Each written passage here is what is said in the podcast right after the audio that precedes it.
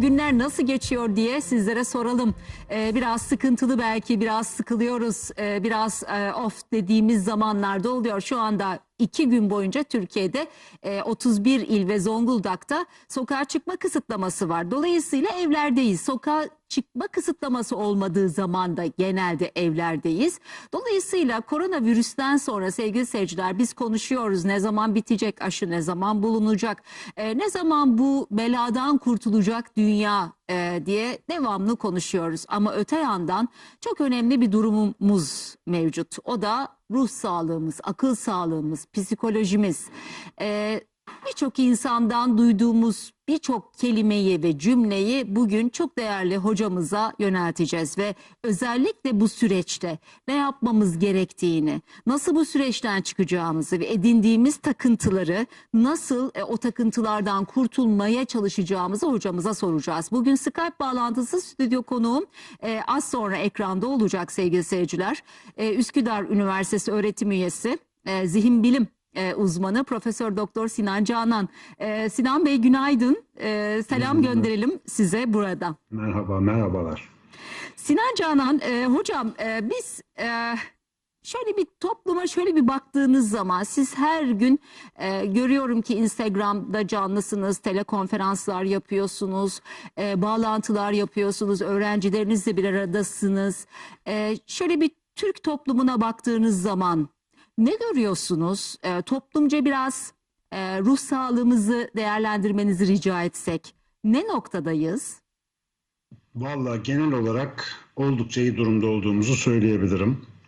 Bunun sebeplerini, bize has nedenlerini çok bilmiyorum ama bütün dünyayı adeta dizlerinin üstüne çökerten bir virüs salgınıyla global bir felaketle aslında karşı karşıyayız. Ve insanoğlunun bu derecede, bu kadar büyük çapta etkili olarak gördüğü en büyük ortak felaket herhalde.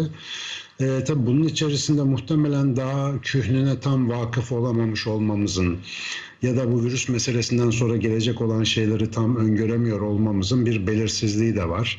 Yani orada tam bir paniğe mi kapılalım, rahatlayalım o konuda da net bir durum yok ama ben genel olarak Türkiye'de tabii biraz normal can sıkıntısı, hafif gerilme, efendim hafif böyle bir pardon belirsizlikten dolayı stres yaşama vesaire durumlarını bir kenara koyarsak ben Türkiye'nin genel halinin iyi olduğunu düşünüyorum. Yurt dışındaki arkadaşlarımızdan diğer birçok ülkede işte başta İtalya olmak üzere İngiltere, Hollanda, işte Belçika vesaire oralardan geri bildirim almaya çalışıyoruz. Onlarla da sık sık temas içerisindeyiz. Benim Avrupa'da yoğun faaliyetlerim vardı çünkü bu işten önce. E, Oralarla hala online olarak devam ediyor. Zihin durumu açısından bizim bazı avantajlarımız olduğunu söylemem mümkün. Nedir hocam yani bizim Türklerin Türklere özgü bir beyin yapısı, bir zihin yapısı yani beyin mesela e, ülkeden ülkeye değişiklik göstermiyordur ya ya da gösteriyor mudur? Değil. E, kodlarımız Yok, mı değişik? değil. Yani işte insanın aslında temel ihtiyaçları ve yapılanması belli. Yani üç aşağı beş yukarı bütün dünyadaki insanlar benzer bir şey paylaşıyorlar. Ben de zaten işte o insanın fabrika ayarları diye anlatmaya çalıştığım şeyde bunu anlatmaya çalışıyorum. Yani bütün insanların ortak bir e, ayar dizgesi var ve ortak bazı endişeleri, telaşları var. Ama bizim burada e, sanıyorum biraz e, toplumsal dayanışmanın getirdiği güven duygusunun bunda payı olduğunu düşünüyorum. Daha ziyade biz bizim ülkemizde insanlar çoğunlukla henüz böyle Avrupa tipi bireyselleşmeyi çok e, yaşayamadılar. Öyle ayrık bir toplum haline gelmedik. Tek tek bireyler halinde yaşamıyoruz pek. E, ne olsa yani bir konumuz, komşumuz vesaire böyle bir e, onlarla birlikte kendimizi güvende hissedebileceğimiz ortamlarımız var. Yurt dışındaki Türklerden bile aldığım enteresan geri bildirimler oluyor. Mesela geçenlerde yaptığımız bir online toplantıda bir arkadaşımız yine 10-15 senedir işte Brüksel'de yaşayan bir arkadaş. E, işte komşularının kapısını çalıp da bir ihtiyacınız varsa biz buradayız dediğinde büyük şok yaşamış insanlar mesela orada. E, di- diğer komşuları Brüksel'de çünkü. Ama bizimkilerin böyle genetiğinde bir dayanışma, yardımlaşma ve beraber hareket etme psikolojisi olduğu için zannediyorum ondan dolayı bir şimdilik biraz daha iyi baş edebilme var. Bir de ee, Yani gerçekten şu anda Türkiye e, öz disiplin açısından enteresan bir noktaya geliyor. Yani tamam işte biraz bazı İslam hadiseler görüyoruz. Bazen e, evden çıkmayın diyece sokaklar kalabalık oluyor falan ama insanlar gittikçe daha iyi uyumaya başlıyorlar gibi sanki. Özellikle büyük şehirlerde biraz e, meselenin ciddiyetine de vakıf olduk.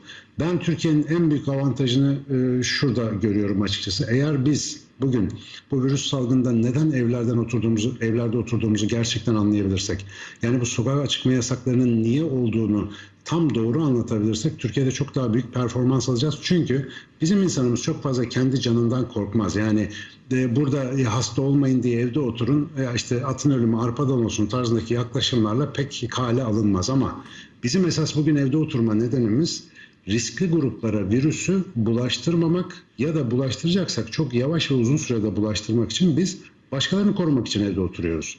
Ve Türkiye'de bunun güzel anlatılması halinde ben insanların, bunu anlayan insanların davranışlarını gördüğüm için çok daha verimli bir şekilde bu önlemlere e, uyacaklarını düşünüyorum ve öyle de oluyor.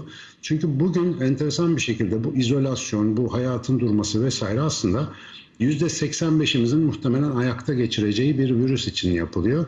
Geri kalan o %15-20'lik riskli grup ve işte %2,5-3 oranına yaklaşan ölüm oranları aslında sağlık açısından risk taşıyan insanları korumamız gerektiğini gösteriyor. Biz de bütün dünyada şu anda aslında bunu yapıyoruz.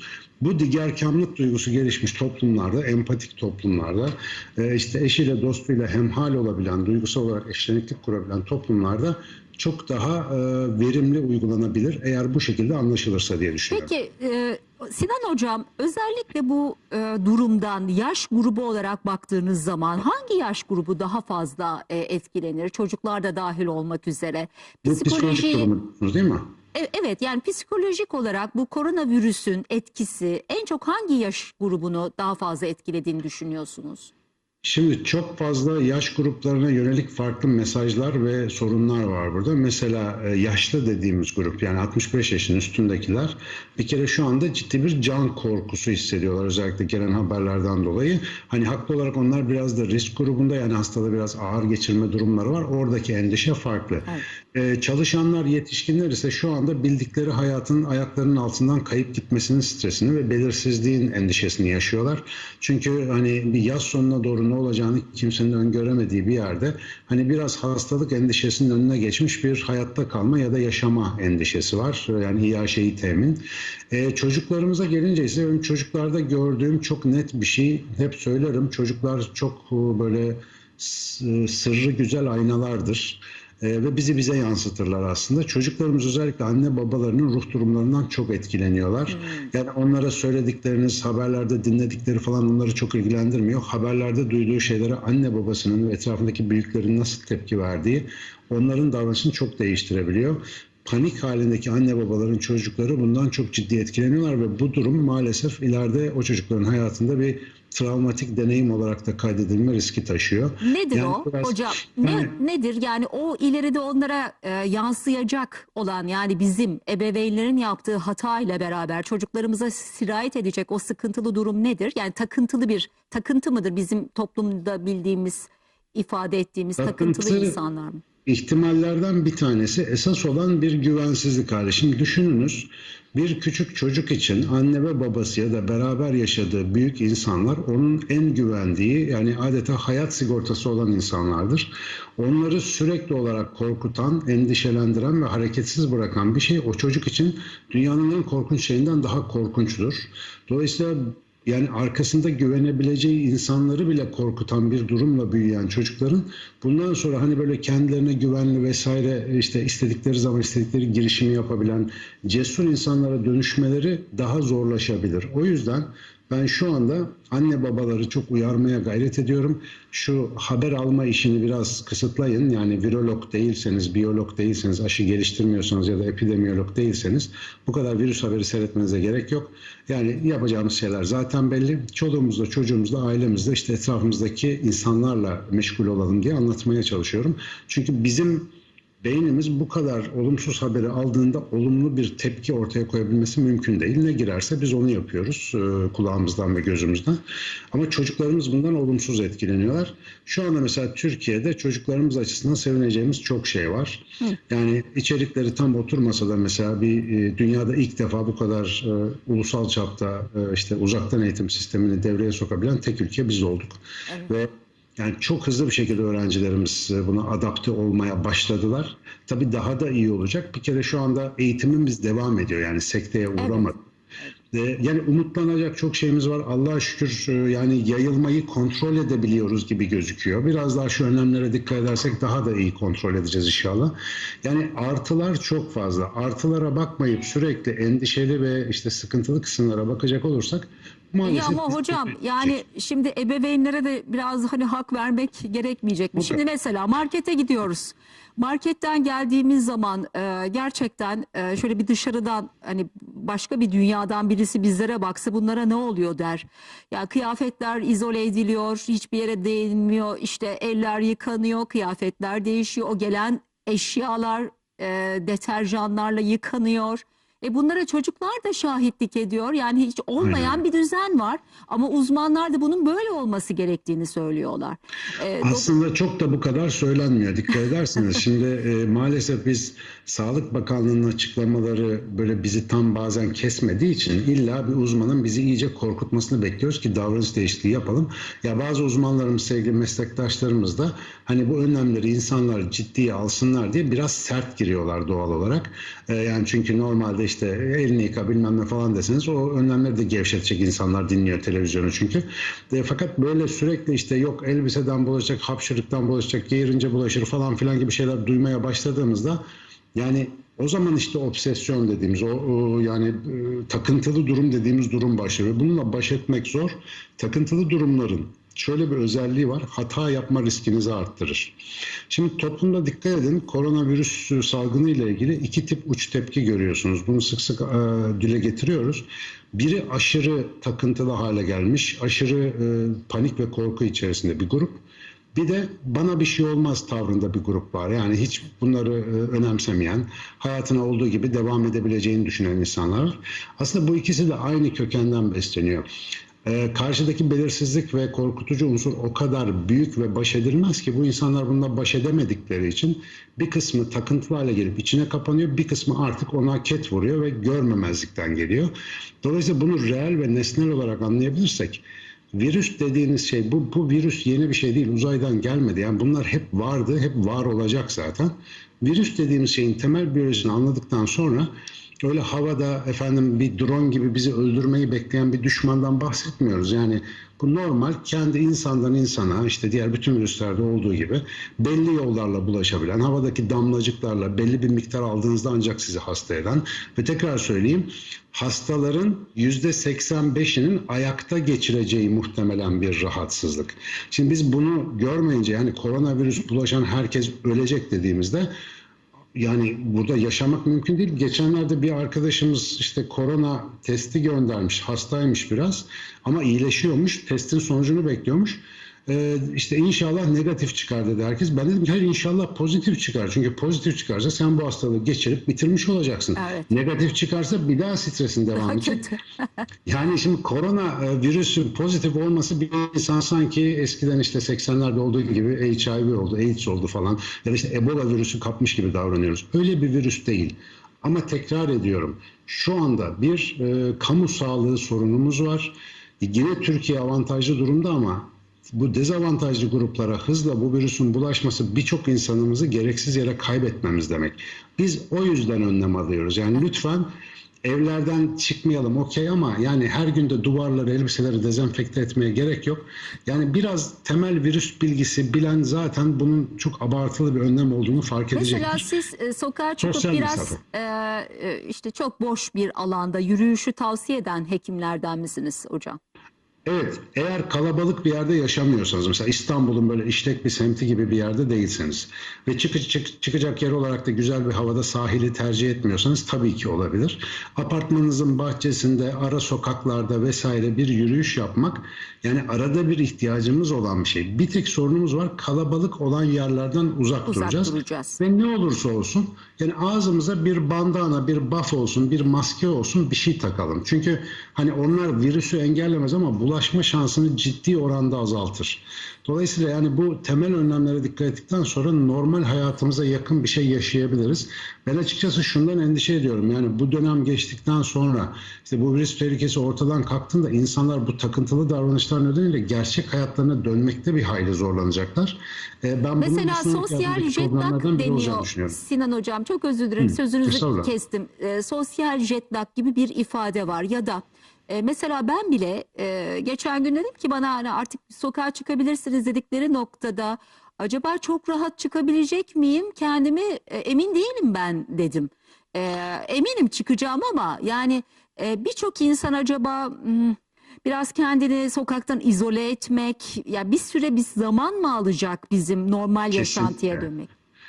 Kesinlikle bakınız şimdi e, ben yani bu konuyu oldukça nesnel işte biyolog gözüyle değerlendirmeye çalışan birisi olarak kendi kendime şunu çok düşünüyorum. Yarın sabah deseler ki koronavirüs öldü Allah rahmet eylesin artık öyle bir şey yok. İnşallah. E, Yani hadi buyurun çıkabilirsiniz deseler ben bile buna e, hemen uyum sağlamakta en azından birkaç saatlik bir zorluk çekeceğim. Çünkü bir kere bu haberin teyidi, efendim işte acaba mutasyon geçirdi mi falan filan gibi kendi içimdeki düşünceler onlar bunlar.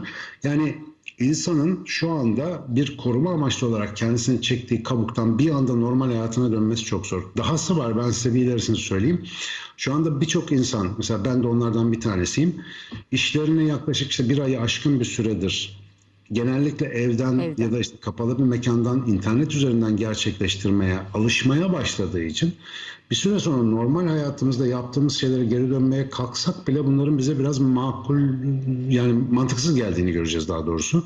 Ha, evden de ben- yapabiliyormuşuz e, Aynen diyeceğiz. E, bunu Yani işverenler de söyleyebilecek belki. Elbette birçok ofis işi, birçok ya eğitimle ilgili birçok iş mesela ben eğitimciyim hem de bir eğitim şirketim var üniversitede eğitim yapıyorum yani onların tamamını mesela büyük bir kısmını online olarak yapabileceğimi fark ediyorum ve e, bizim işte yıllardır anlatmaya çalıştığımız bir şeyi aslında pat diye yaşar hale geleceğiz. O da hibrit dünya dediğimiz bir şey var.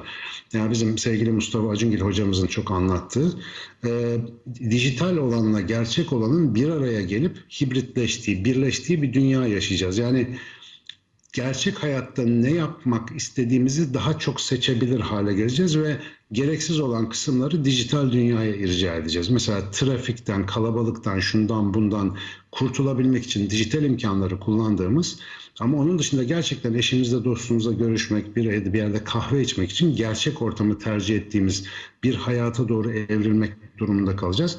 Tabii bu bahsettiğim ferah feza ütopik e, görüntü herkesin hayatında bir anda olmayacak ya da herkes bu refaha sahip olamayacak.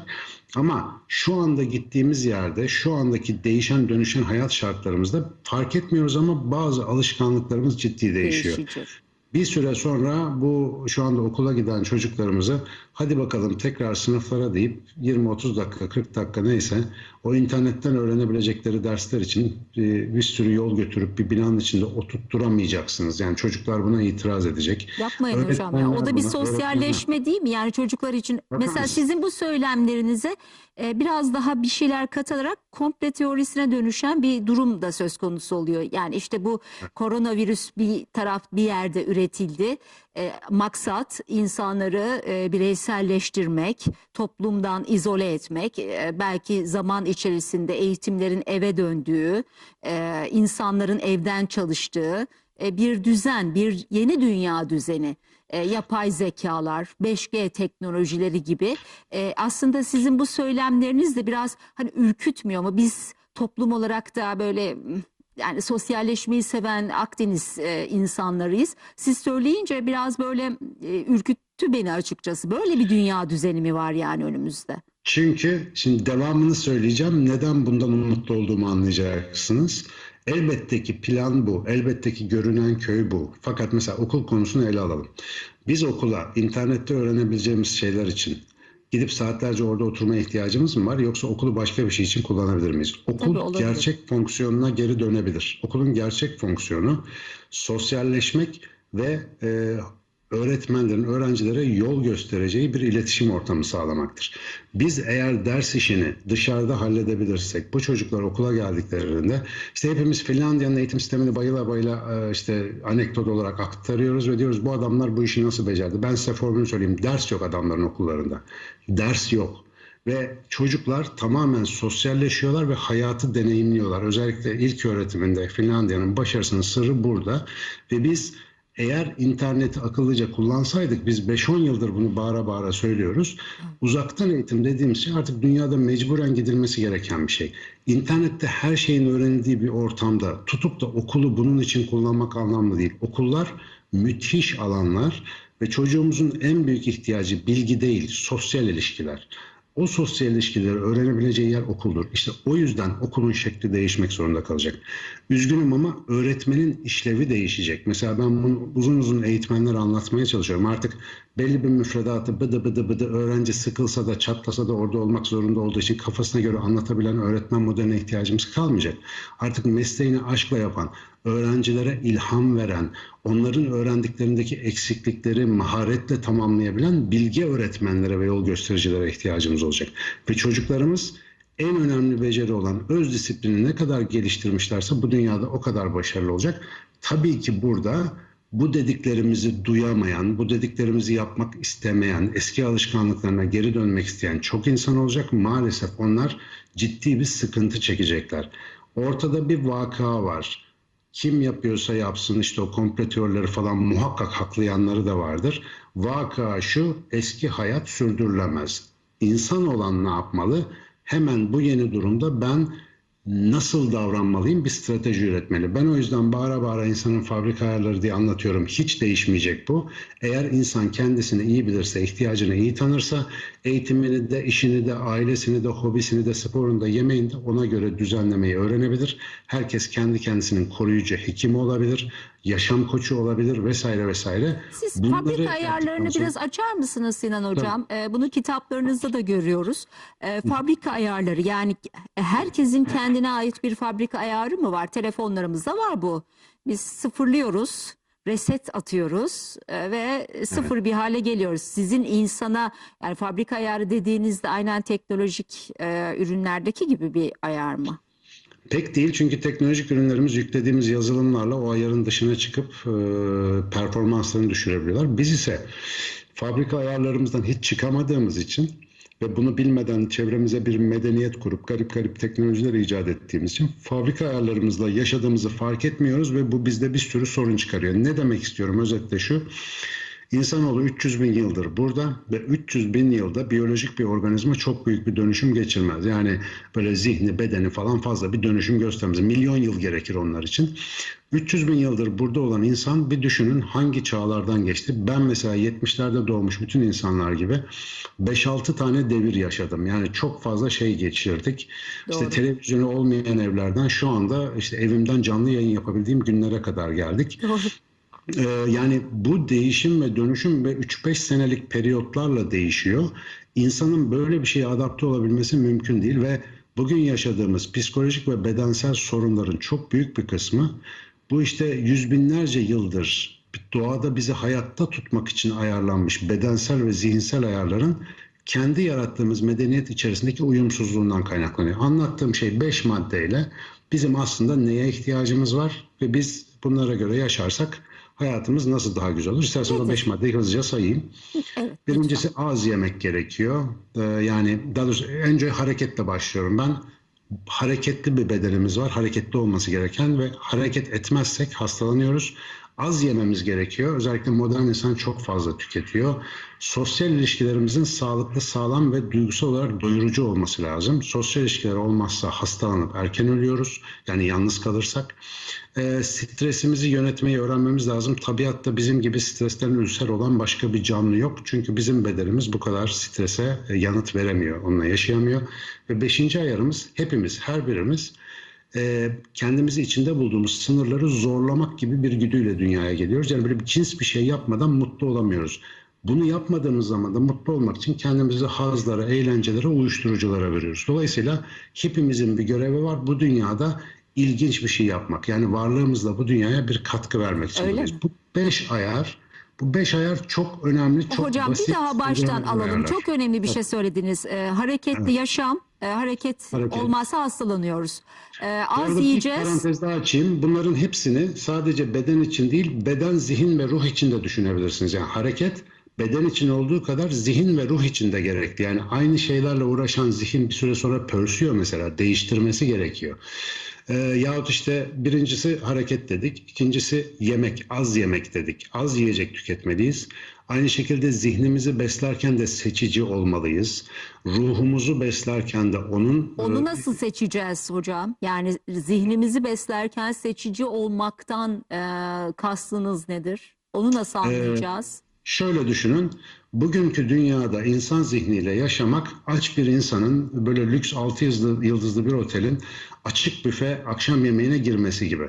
Şimdi oraya girdiğinizde açken e, hepimiz bunu biliriz. Ya oradaki bütün yiyecekleri yiyecekmişiz gibi gelir ve tabağımızı aşırı doldurur, e, tıkıştırmaya başlarız.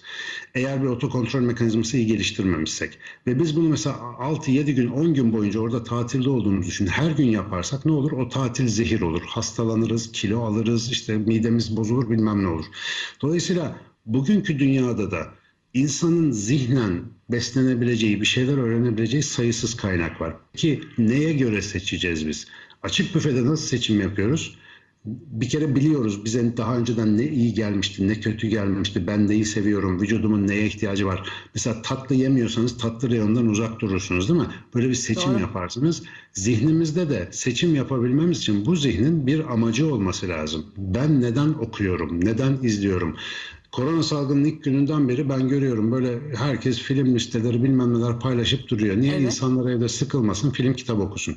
İyi de bunlar bir süre sonra insanın kendini uyuşturması için yeni araçlara dönüşüyor.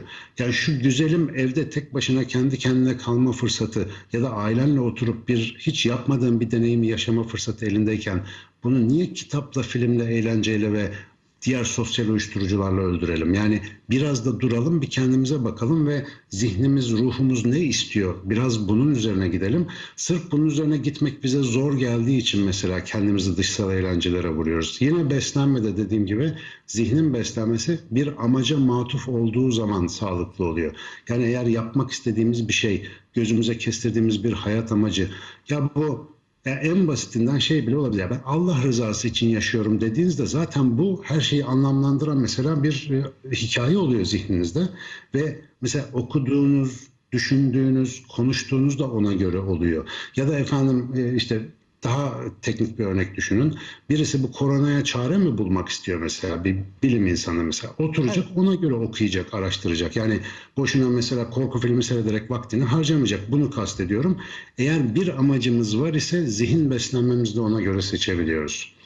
Hareket dedik, beslenme dedik, e, sosyal ilişkiler dedik. Mesela e, şu anda en çok Şu anda bunu e, yapamıyoruz herhalde. çektiğimiz şey.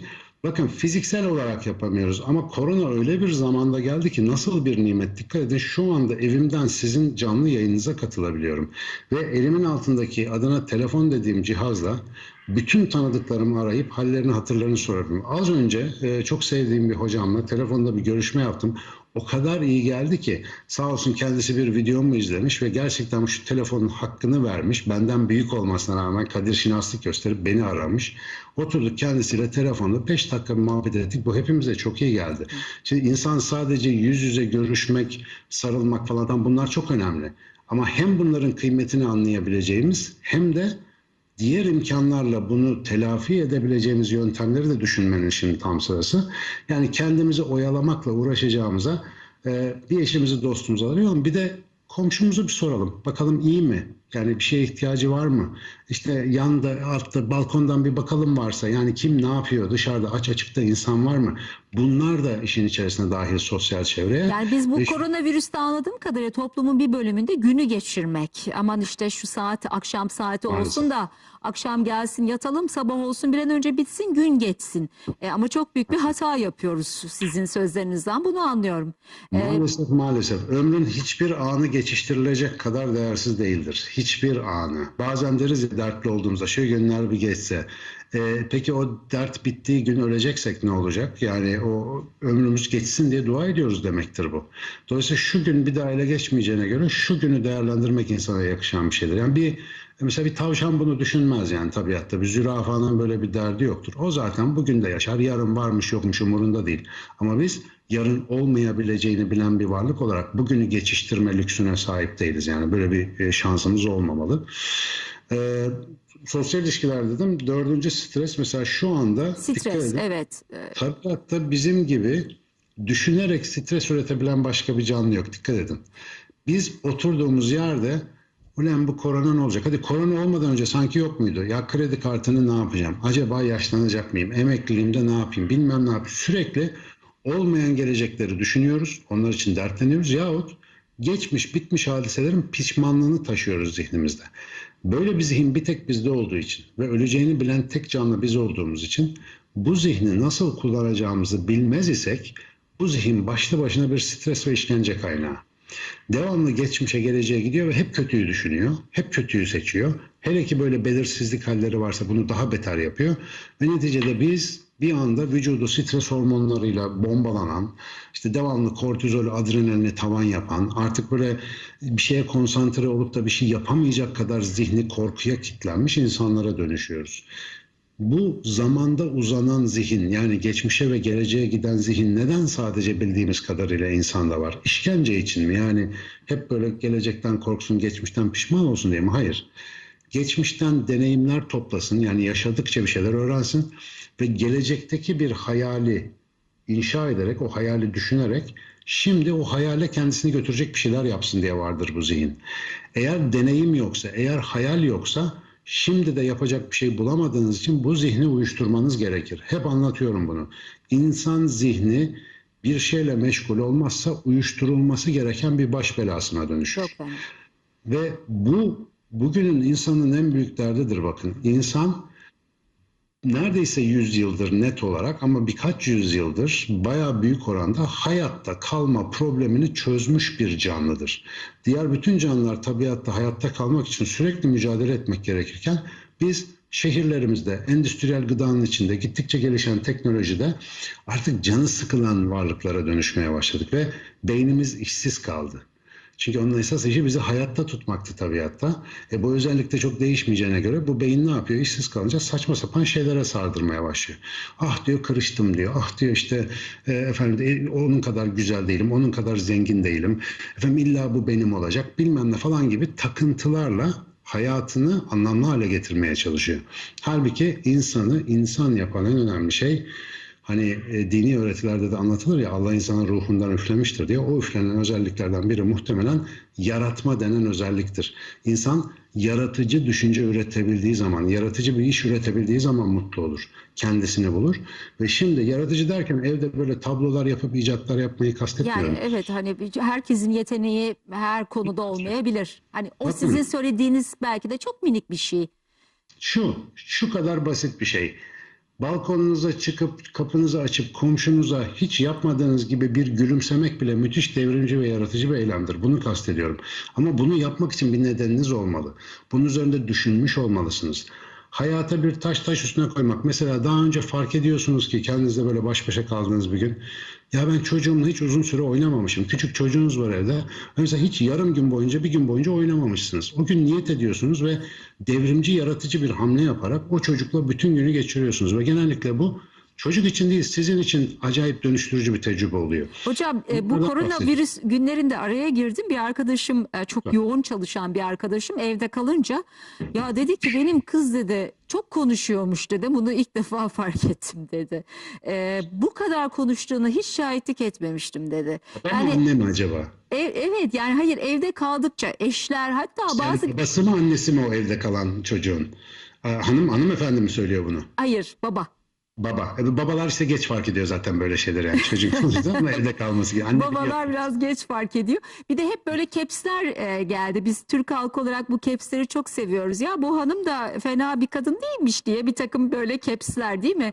E, belki birbirimizi tanımadığımız bir noktada bile olduk. E, bazı şeyleri fark ettik belki de e, bu dönemde. Var mı size böyle gelen ilginç e, e, hikayeler, anekdotlar hocam? Mesela kavgaların, aile içi şiddetin ve boşanma noktasına gelen anlaşmazlıkların çok arttığına dair Evet bu kötü henüz alan araştırmaları yok ama anekdotal e, şeyler geliyor, Evet, aklımlar geliyor. Çok normal. Çünkü biz bakın mesela aile diye kurduğumuz şeyi nasıl bir e, kontrat üzerine kuruyoruz. İyi günde kötü günde işte hep beraber olacağız, birbirimize ölene kadar sadık olacağız falan tamam onlar işin prosedürel kısmı ama hayatı öyle bir bölüşmüşüz ki sabah oluyor, Belki bir kahvaltı ediliyordu. İşte ha- hanım bey işine gidiyor ya da işte biri evdeyse o evde kalıyor. Çocuk okuluna gidiyor. Herkes hayatta bir dağılıyor. Akşam gelip birkaç saat birbirleriyle takılıyorlar. Hatta çoğu zaman maalesef birbirlerine tahammül edip uykuya gidiyorlar. Ertesi gün tekrar ayrı bir hayat başlıyor. Şimdi büyük bir sınav var ve bu kaçışlar bazen sadece işlemişte olmuyor. İşte erkek, kadın kendi arkadaşlarıyla, kendi sosyal ortamında bir nevi nefeslenmek istiyor. Yani kurduğumuz o aile içerisinde nefeslenemiyoruz. Mesela öyle bir durumumuz var. Çünkü o kontrat e, söylediğim şey bize uygun değilmiş. Onu fark ediyoruz. Ya da orada ne yapacağımızı bilemiyoruz. Derken bu böyle güzel güzel takılıyordu herkes dışarıda falan. Şimdi küt herkes bir eve oturunca o aileyle ne yapacağımızı bilmediğimiz için sıkıntı yaşamaya başlıyoruz. Ben bütün ailelere söylüyorum. Ya bir insanın ailesiyle beraber olması dünyanın azınlığının sahip olduğu bir lükstür bir kere. Bu çok önemli bir lükstür. O güvenli yuva e, şey yani cennetten bir penceredir bakmasını bilene ve o cennetten pencereden yani cennetvari bir hayat inşa etmek içinse insani bir çaba gerekir. Yani oturup eşinizin, çocuğunuzun durumunu anlamak için zaman harcamanız, onlarla bir göz göze diz dize oturup dertlerini, dünyalarını dinlemeniz, onları biraz konuşturabilmeniz, onlarla sohbet edebilmeniz gibi temel bazı hiç yapmadığımız gereksinimlerimiz var. Ve hep diyorum ailecek bir proje yaparsanız, bir proje deyince herkes de ya yol köprü ya bilimsel proje düşünüyor. Öyle bir şey değil. Ya ev temizliği bile bir projedir. Beraber yemek yapmak bile bir projedir. Mesela bu evde 3 ay içerisinde yeni 10 tane yemek öğreneceğiz de bir projedir. O da bir proje. Her şey bir projedir. Ama ailenin her bir ferdinin dahil olduğu, bir organizma gibi beraber çalışılan bir şeyler yapıldığında bir daha asla geri dönülemeyecek bir iyileşme göreceksiniz ilişkilerinizde. Çünkü insan böyle bir varlıktır. Dert gerekir insana, bir e, hedef gerekir, bir hayal gerekir. Aksi takdirde insan yeryüzünün en dertli canlısıdır. Yani yapacak bir şey olmayan insan kadar e, sıkıntılı ve Sıkıntı. tehlikeli bir şey de yoktur. Sinan hocam bana şu soru çok geldi. Hep e, şu söylenir. Rahatsızlanınca beynine hükmet. Sen bu rahatsızlığı yenebilirsin. E, özellikle bunu psikolojik rahatsızlıklarda söylerler. Panik atak gibi, anksiyete gibi ama birçok hastalıkta bunu söylerler. E, beynimize nasıl hükmet hükmetmeyi başarabileceğiz e, biz. Biraz o konuda da bizi aydınlatabilir misiniz? Bu söylediklerinizle beraber başka katkılar da var mı? Ee, bu biraz şeye benziyor. Devasa bir e, yolcu gemisi, cruiser düşünün. Böyle binlerce yolcu alan gemi vardır ya da Evet. çok büyük bir tır düşünün mesela. Devasa bir e, alet. Diyelim araba kullanmayı biliyorsunuz. Birisi size diyor ki bu gemiye ya da bu tıra git hakim ol. Şimdi teorik olarak onun dümenine, direksiyonuna geçip onu bir harekete geçirmek, durdurmak mümkün ama onu ustaca kullanacak bir eğitim almamış iseniz onu hareket ettireyim ya da kontrol edeyim derken büyük bir kazaya sebebiyet vermeniz işten bile değildir. Neden bu benzetmeyi yaptım? Evet insan beynini kontrol edebilir ama Allah aşkına bir tır kadar bir ehli- ehliyete ihtiyacımız yok mu? Yani acayip bir donanımsal, e, zihinsel, ruhsal e, malzeme var. Müthiş gelişmiş bir şey var elimizin altında. Bir kere bile dönüp kullanım kılavuzuna bakmamışsak, bir kere bile direksiyonuna oturup bir çocuk misali oynamak kadar bile olsun meşgul olmamışsak, biraz onunla işte e, tır örneğini düşünün, açıp motoruyla, tekeriyle, dorsesiyle zaman geçirmemişsek, onu şöyle bir alıcı gözle incelememişsek, Nasıl bu beyne, bu zihne hakim olacağız? Nasıl bu bedene hakim olacağız? Dolayısıyla bir ön çalışmışlık gerekiyor. Yani bu devasa bir e, sistem insan dediğiniz ve çok da kolay. Kapkan Kaptan Köşkü'nde biz oturuyoruz aslında. Fakat Güzel. hep gözümüz dışarıda. Hep adalara, manzaraya bakıyoruz. Bir de kardeşim bu gemi ne işe yarar? Niye geldi buraya? Ee, bakınız insanın fabrika ayarları kitabını yazmaya başlamadan önceki 4-5 yıl ben bu meseleyi anlatırken kendimle ilgili de çok enteresan şeyler keşfettim. Yani bir insanın kendisine önce biyolojik zaviyeden bakmayı öğrenmesi. Maalesef okullarımızda öğretilmediği için biz biyoloji lüzumsuz bir şey zannediyoruz ama bilgeliğin başlangıcıdır. Yani beynin noktasıdır biyoloji öyle söyleyeyim size. Kendinizden bakmaya başladığınızda dünyaya bir anda algınız, çevreniz, her şeyiniz değişmeye başlıyor. Yemeniz, içmeniz, ilişkiniz, düşünüş biçiminiz, zihninizdeki taşlar yerine oturmaya başlıyor. İşte o zaman o zaman şöyle bir şey oluyor. Mesela diğer insanların yakalandığı rahatsızlıklara siz yakalanmıyorsunuz. Hem zihinsel hem fiziksel olarak bakın. bedensel olarak. Bir done vereyim size mesela savaşta ağır sıcak bir savaşta bir bombardıman altında haftalarca işte 2. Dünya Savaşı belgesellerinde falan görüyoruz şehirler bombalanıyor. Öyle bir durumda insanlar ya da cephedeki askerler grip olmazlar biliyor musunuz? Öyle mi? Neden grip olmazlar? Çünkü vücudun buna vakti yoktur. Stres altındadır, kaçacaktır ve o mikrop vücut için birincil öneme sahip olmaz. Ama evimizde rahat rahat işte rutin işimizde tıngır mıngır gidiyorsak o zaman çok daha kolay soğuk algınlığı, alerji, vırt bir sürü bir şey olabiliriz. Yani fiziksel rahatsızlıklarımızın bile zihnimize bakan çok tarafı var. Evet doğru zihnini kontrol eden her şeyi kontrol eder ama bu ilk defa oturduğunuz bir tırın direksiyonda ne kadar O e, selametli bir yol yapabilirsiniz o Beynimizde kadar. biraz haşır neşir olmayı öğrenmemiz lazım. E, bunun Kendimizi öğreneceğiz. Siz mesela bu e, ben beceremediğim bir fit beyin e, e, e, hareketleri, egzersizleri var. Hatta size meydan okundu e, Twitter'da Fit Beyin Challenge diye e, sanatçılar da size meydan okudular. E, şu anda yapıyorsunuz. Mesela onları e, yapamıyorsak eğer ben evde uğraştım hocam ama yapamadım. E, bunlarla mesela biz bu fit beyin egzersizlerini yapmaya çabalamalı mıyız? Ya da beynimizle haşır neşir olmak mesela bulmaca mı çözmeliyiz? E, kitaplar mesela sizin be- beyne ilişkin çok zihne ilişkin çok önemli kitaplarınız var. Bunları okuyarak e, bazı keşifler mi yapmalıyız? Hani biraz beynimizle haşır neşir olmak için ne yapalım? Bütün bunlar keşif için vesiledir. Kimi okuyarak, kimi deneyimleyerek, kimi duyarak, dinleyerek, kimi görerek keşfeder. Dolayısıyla hangisi daha hoşumuza gidiyorsa biz her kanaldan bir şeyler vermeye çalışıyoruz. Şimdi şu gördüğünüz hareketi yapsam ne olur, yapmasam ne olur diyebilirsiniz ama sevgili Mahmut Talha Sağlık'ta ilk bunu bana gösterdiğinde iki sene önce falan da ben de aynen ilk yapan gibi nasıl ya bir dakika böyle, böyle falan Karışıyor hocam eller karışıyor yani hakikaten ama Amaç- uğraşırsak Amaç yaparız herhalde. önce yapamamak. Bakın amaç bu. Önce yapamayacağınız bir hareket bulacaksınız. Benim Bu- beynim hiç fit değil yani onu anlıyorum. Ee, Hayır hayır çok fit dinleyin bakın. Önce yapamamanız lazım. Tamam, Zaten ha, işin sırrı bu. Şimdi bütün hayatınızda uygulayabileceğiniz bir örnek olduğu için biz bunları paylaşıyoruz. Önce çok zor geliyor. Bakın bir 5 dakika maksimum uğraştığınızda bu bütün hareketler için geçerli bu el hareketleri için. 5 dakika uğraştığınızda bir süre sonra konuşurken düşünmeden yapabilir hale geliyorsunuz. Bu bize bir şey anlatıyor. Beyin için bazen imkansız gözüken şeyler mesela araba kullanmak gibi biraz e, mesai yatırdığınızda otomatik bir beceriye dönüşüyor.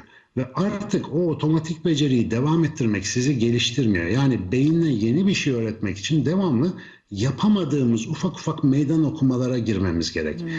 Fit beyin egzersizleri bize bu, bu alışkanlığı kolaylaştıran bir tarafı var. Yani yapamadığınız bir şeyi yapmaya karar vermek de bir beyin devresidir. Mesela çoğu insan diyor ki aman ben ne yapacağım yapmam ki.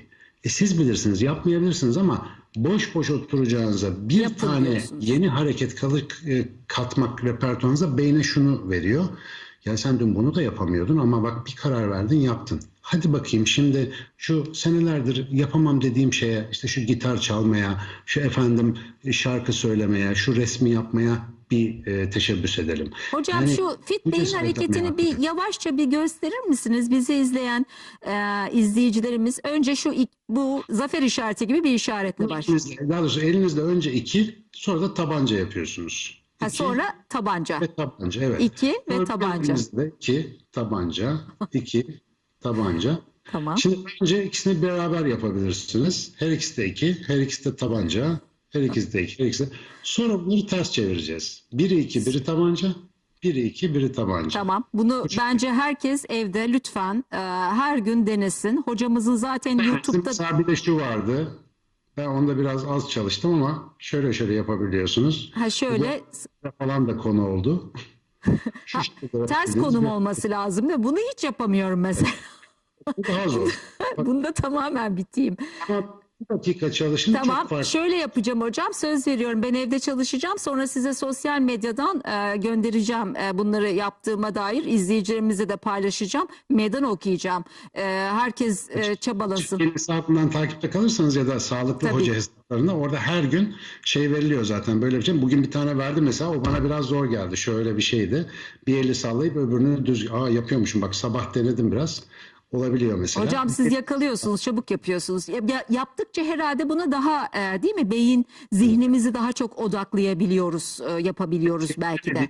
El hareketlerini yapmakla ilgili bir şey değil. Beyninize yeni bir şey yapabilme çevikliğini zinde tutmak için e, yapmanızı önerdiğimiz şeyler. E, belki şurada görüyorsunuz jonglör toplarım var benim. Şimdi onlara çalışacağım mesela. Üç topu böyle çevirebilmeye gayret edeceğim. Ne zamandır istediğim bir şey. Belki de şimdi fırsattır. İnşallah yaparız bakalım. Ha, o topları e, çalıştırmak da bir, bir nevi beyin e, egzersizi öyle mi? Bun- bunlar mesela Alzheimer gibi e, hastalıklara karşı da e, koruyor mu e, toplumları hocam? Ya da biz Alzheimer gibi hastalıklara karşı da e, işte hep bi- bize diyorlar ki bulmaca çözün ama ben çok bulmaca çözüp Alzheimer'a yakalanmış insan görebiliyorum. Bulmaca çözmek aynen araba kullanmak gibi belli bir süre sonra beyninizin gayet otomatiğe bağladığı ve enerji kullanmadan yapabildiği bir şeydir. Bir tek bulmaca dışında, sudoku dışında Alzheimer gibi bunama hastalıklarını engelleyebilen bir şey bilmiyoruz.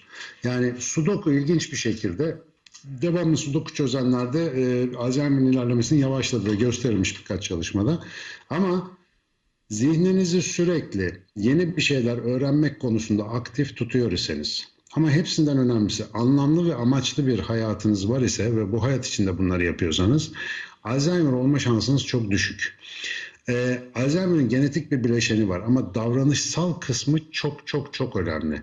Yani siz hayatınızda yaptığınız tercihlerle aslında yaşlılığınıza bir yatırım yapıyorsunuz. Nasıl ki gençliğinizde alkol, sigara bilmem ne çok yaparsanız sonradan yaşlılığınız berbat geçer. Aynı şekilde zihni işlek tutmak da biraz böyle. Ee, bizim sevgili Musa Göçmen e, orkestra şefi hocamız e, çok güzel bir şey yapıyor aslında. Ee, örnek veriyor. Mesela klasik müzik, pop müzik. Ee, mesela pop müzik fast food gibidir. Klasik müzik ise e, biraz böyle brokoli gibidir. Nasıl ki brokolilerde sağlıklı olmak için arada bir yemeniz gerekirse tamam gidin arada fast food da yiyin. Yani ondan da bir şey olmaz ama arada böyle sağlıklı yiyecekler mesela kompleks yapılı saz semaileri, batı klasik müziği eserleri zihninizi biraz onlara alıştırabilirseniz onları e, yaşlılığınızdaki işlek bir beyin için yatırım olarak kullanabileceğinizi fark edeceksiniz. İnsan zihni basit şeylerle ömrünü tüketmek için yapılmamıştır. Hiçbirimiz bu kadar basit değiliz. Bugünler bize şunu gösteriyor. Rahat edelim diye bir medeniyet kurduk. Minnacık bir virüs elinin tersiyle darmadan etti. Biz bu dünyaya rahat etmek için gelmedik. Biz bu dünyaya inşa etmek, imar etmek, ihya etmek için geldik. Eğer bunları unutacak olursak tabiat bize ara ara böyle şefkatli hatırlatmalar yapacaktır. bir hatırlatma yaptı anlayabiliyorsa insanlık. Peki 20'li yaşlar için e, söyleyeceğiniz e, yani işte siz diyorsunuz ki e, işte biraz da sanat müziği ya da klasik müzik sanki 20'li yaşlar dünyaya entegre olan gençlik biraz daha bana sizin söylediklerinizi yapmakta zorluk çekermiş gibi geliyor. Evet. Şimdi bakın bu devirde en büyük zorluğumuz, gençlerin en büyük zorluğu, daha doğrusu insanların genelde en büyük zorluğu şu. Elimizde bazı elektronik cihazlar var, cep telefonlarımız. İşte burada içerik tüketiyoruz mesela. Atıyorum YouTube'dan video izliyorsunuz. Videodan sıkıldınız, çarpıya basıp kapatıp ya da atlıyorsunuz bir sonraki içeriğe geçiyorsunuz. Şimdi gerçek hayatta böyle bir şey şimdiye kadar hiç yoktu. Ama şimdi çarpıya basıp istediğinizi kapatıp istediğiniz anda atla düğmesine basıp diğer içeriye zıplayabildiğiniz bir sanal dünya var. Ama gerçek hayatta annenin, babanın, öğretmenin, arkadaşın çarpı düğmesi yok. Yani onu basıp da onu geçemiyorsunuz. Onu sonuna kadar dinleyip anlamanız gerekiyor. Çok eski tip, çok sıkıcı bir şey. Halbuki burada o cihazların içinde sizin e, hani sanal da olsa görece özgür özgür olduğunuz bir dünya var. Şimdi zihinlerimizi o kadar çok cezbediyor ki bu. Dışarıdaki o kontrol edemediğimiz sıkıcı dünyadansa buradaki o cık cık cık eğlence o yüzden bırakamadığımız bir şey haline geliyor. Ve fark etmediğimiz şey şu. Bizi kendisine dönüştürmeye başlıyor. Yani biz cihazları bize yardımcı olsun diye yaptık ama cihazlar bizi köle etmeye başladı. O yüzden bu değişmeyen ayarlarımızı fark ettikçe şu cihazların bize yardımcı olmaktan çok köstek olduğunu fark ediyoruz. Mesela şu anda teknoloji bize yardımcı oluyor gerçekten. Allah aşkına ne güzel bir nimet. Evet. Ama saatlerimi, günlerimi sadece içerik tüketmeye ayırdığımda mesela böyle incelikli işlere enerjim kalmıyor. Oturup da bir klasik müzik konserini baştan sona seyretmek çoğumuza zul geliyor. Ben mesela sağ olsunlar Berlin Filarmoni Orkestrası uygulamasını internet üzerinde herkese açmış. Bütün konserleri şimdi seyircisiz yapıyorlar. Oturup izleyebiliyorsunuz. Yani e, yaşlı olduğum için işte zamanında bunları yapabiliyor olduğum için Siz de öyle derseniz yandık. E, Yani şey işte hani böyle e, belli bir zaman geçirdiğinizde o dijital öncesi dönemi bildiğinizde evet. kaseti koyup da bir e, işte o 90 dakika ya da 45 dakikayı baştan sonra dinlemenin hazzını artık bilen kalmadı. Evet. Dolayısıyla incelikler olmadan maalesef hayat e, kabalaşıyor, Peki. hoyratlaşıyor ve kalınlaşıyor. Şimdi hocam kısa bir araya gideceğiz. Aradan sonra sizden e, yine yoğun istek üzerine 5G teknolojisinin beynimize zararlı olup olmadığını soracağım ama bir kısa aramız var.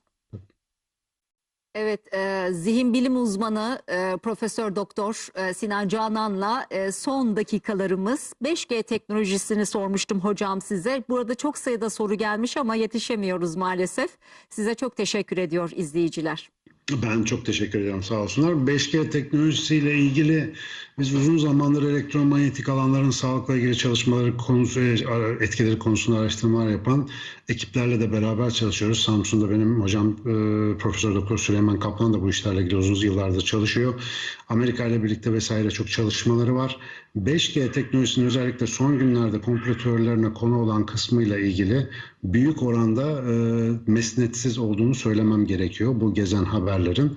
5G teknolojisinin bu virüse benzer bir takım solunumsal durumlar oluşturduğu, işte efendim insanları hasta ettiği falan e, bilimsel dayanağı olmayan işler. Yalnız elektromanyetik radyasyonun bu kadar karışık ve yüksek frekansta olmasının etkilerini hala tam bilmiyoruz. Cep telefonu radyasyonunun gösterilebilir bir zararlı etkisi şimdiye kadar ciddi olarak rapor edilmedi ama gittikçe dünya çapında yaygınlaşan bu iletişim teknolojisinin oluşturduğu elektromanyetik radyasyon ağı bizi zannediyorum zaman içinde olumsuz etkileyecek ama bugünkü Covid salgınıyla alakalı olarak yapılan şeylerin herhangi bir bilimsel dayanağı yok. Onu Yani bir virüs yaymıyor e, ama e, Hayır, beyne hayır. bir radya- radyasyon e, tar- yani radyoaktif bir zararı olup olmadığını tam olarak bilmiyoruz. Radyoaktif değil çünkü iyonize edici radyasyon dediğimiz o zarar veren gama ışınları falan tarzı bir radyasyon değildir cep telefonu radyasyonu. Bizim vücudumuz ona biraz şeffaftır yani vücudumuzun içinden geçer. Mesela e, işte birkaç dakika cep telefonuyla konuşmak işte bir saat kadar cep telefonuyla konuşmak benim ısısını bir, bir buçuk derece kadar arttırıyor ama bu yazın sıcakta yürürken daha fazla e, oluyor beyin sıcaklığı artışı. Yani gösterebildiğimiz etkiler o kadar belirgin değil ama ben bir konuda uyarmak isterim. Telekomünikasyon teknolojileri sadece, sadece manyetik kirlilik açısından bizi yormuyor ya da e, bize zarar vermiyor. Çok daha fazla iletişimimizi bozarak, bizi kendisine bağımlı yaparak zarar veriyor. Bunu ne olur unutmayalım. Biraz önce bahsettiğim Evet. elimizdeki cep telefonlarının bizi hayattan koparması uzun vadede elektromanyetik radyasyondan daha ciddi zararlarını göreceğimiz hatta görmeye başladığımız temel etkisidir. Biraz bu e, işte böyle radyo dalgaları kontrol kontrol 1970-80'lerden kalan işte efendim o zihin kontrol teorilerinden biraz zihnimizde kalmış bir durum gibi. O kadar büyük bir etkisi yok. Endişelenmemize gerek yok. Zira Peki. bu teknolojiler alınmadan, patentlenmeden önce çok derinlikli olarak çalışılıyor ve üzerinde de hala çalışma yapmaya devam ediliyor. Peki. Sinan Hocam çok teşekkür ediyorum. Var olun, sağ olun. Ee, hakikaten ederim. herkese bir e, e, bir farklı bir e, feyz de yani bir örnek de oldunuz. E, hepsini uygulamaya çalışacağız siz anlattıklarınızı. Sizi de İnşallah. takip et- etsinler hem Instagram'dan hem e, Twitter'dan çünkü e, defalarca siz bunları anlatan videolar da çekiyorsunuz. Çok teşekkür ederim. Kitaplarınızda da elinize sağlık, kaleminize sağlık hocam diyelim. Sağ olun. Ee, çok teşekkür var olun. ederim. İnşallah stüdyoda da ağırlamak nasip olur diyelim. İnşallah en kısa zamanda şu dertlerimiz bir bitsin. Eski günlerdeki gibi ruberu görüşelim kısmet olursa. İnşallah. Çok teşekkür ediyorum Sinan Hocam. Sağ olun, var olun. Sevgili seyirciler sizlere de çok teşekkür ediyoruz. Ee, Değerli katkılarınız için. Sorulara bakamadım. Ne olur beni affedin. Ee, Çünkü vakit e, yetmiyor ve hocamız da çok detaylı anlattığı için. Önümüzdeki hafta bakalım kiminle e, konuşuyor olacağız. Önemli olan sağlıklı bir hafta geçirmeniz. Biz yine işimizi yaptık, görevimizin başındaydık. Evimize gideceğiz ve izole olacağız. Ee, ve bakanlığın açıklamalarını da sıkı sıkıya takip etmeye devam edeceğiz. Efendim mutlu, huzurlu haftalar diliyorum. Hoşçakalın.